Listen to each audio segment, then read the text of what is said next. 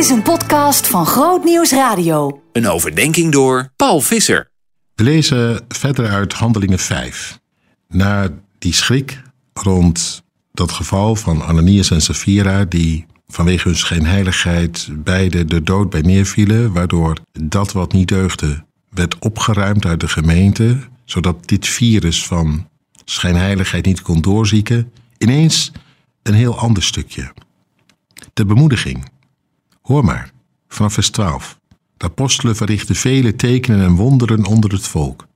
De gelovigen kwamen eensgezind bijeen in de zuilengang van Salomo. En ofschoon niemand zich daar bij hen durfde te voegen, sprak het volk vol lof over hen. Er kwamen steeds meer mensen bij die in de Heer geloofden, een groot aantal mannen zowel als vrouwen. En ze legden zelfs zieken op draagbedden of matten buiten op straat, in de hoop dat toch tenminste de schaduw van Petrus, wanneer hij voorbij kwam, op een van hen zou vallen. Ook vanuit de steden rondom Jeruzalem stroomden mensen toe. Ze brachten zieken mee en mensen die door onreine geesten werden gekweld, en allen werden genezen. Eén groot genezingsoffensief. De wonderen zijn niet van de lucht. Daar in Jeruzalem. bij de zuilengang van Salomo. Apart is dat.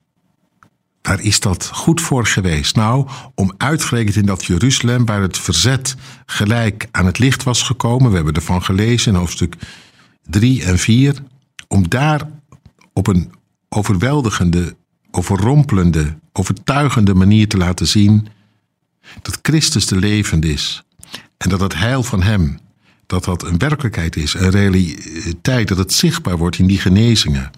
Die door Petrus in de naam van Yeshua, van de opgestane, worden verricht. Dat het heil echt is aangebroken, doorgebroken in hem die gekruisigd is en opgewekt. Dat het maar niet een verhaaltje is wat je maar moet geloven of moet eh, slikken, maar dat het een boodschap is van genade en van leven. Daar is het dus goed voor. Je kunt zo'n gedeelte niet zomaar even naar nu halen en zeggen: Nou ja, dan kan ook nu uh, elk wonder gebeuren en dan hoeft er ook nu niemand meer ziek te zijn. Dat staat hier niet. In die context van verdrukking, daar laat God iets overtuigends zien. Om zodoende mensen in te winnen, alsnog. Te overtuigen, niet met geweld, maar met overvloed, met goedheid, met de bewijzen van um, zijn liefde en genade. Dat ze daardoor zo worden overrompeld dat ze zich gewonnen geven. Je ziet het ook gebeuren. Er komen er velen tot geloof. Mensen die misschien eerst wat afstand hielden, die zeggen: Ik kan hier niet onderuit. Dat is waar het om gaat. En ik zal je één ding zeggen. Wie gewoon de tekenen en wonderen er als een extraatje bij wil hebben, ja, ik denk niet dat hij er veel van zal zien. Maar wie de wereld in gaat om tot zegen te zijn en zoekt om mensen in te winnen voor het koninkrijk van God, die mag erop rekenen dat de opgestane vandaag de dag nog net zo verrassend zichzelf kan laten zien door tekenen en wonderen als toen, om deuren te openen, om harten in te winnen.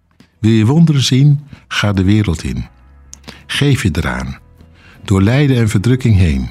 En God zal jouw weg, jouw werk, jouw woord met tekenen en wonderen bevestigen. Daar komt Hij zelf in mee.